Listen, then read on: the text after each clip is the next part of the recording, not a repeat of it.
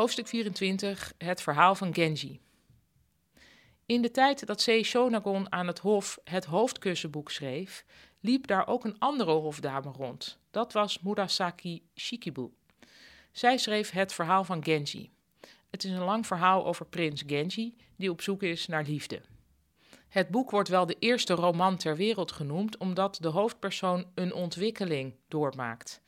Ik vind dat nogal een arbitraire regel om een verhaal al dan niet een roman te noemen, maar laten we gewoon zeggen dat deze claim waar is.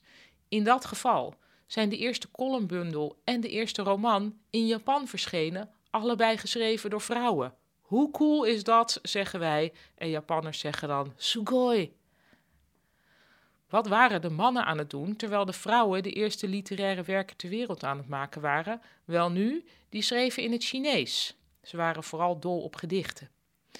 Ik denk dat je hun keuze voor het Chinese schrift kunt vergelijken met Europese geleerden die in het Latijn schreven.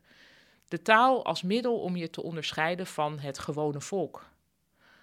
Anders dan in Europa kregen vrouwen in Japan wel onderwijs, want ze werden aantrekkelijker gevonden als huwelijkspartner als ze mooi konden dichten.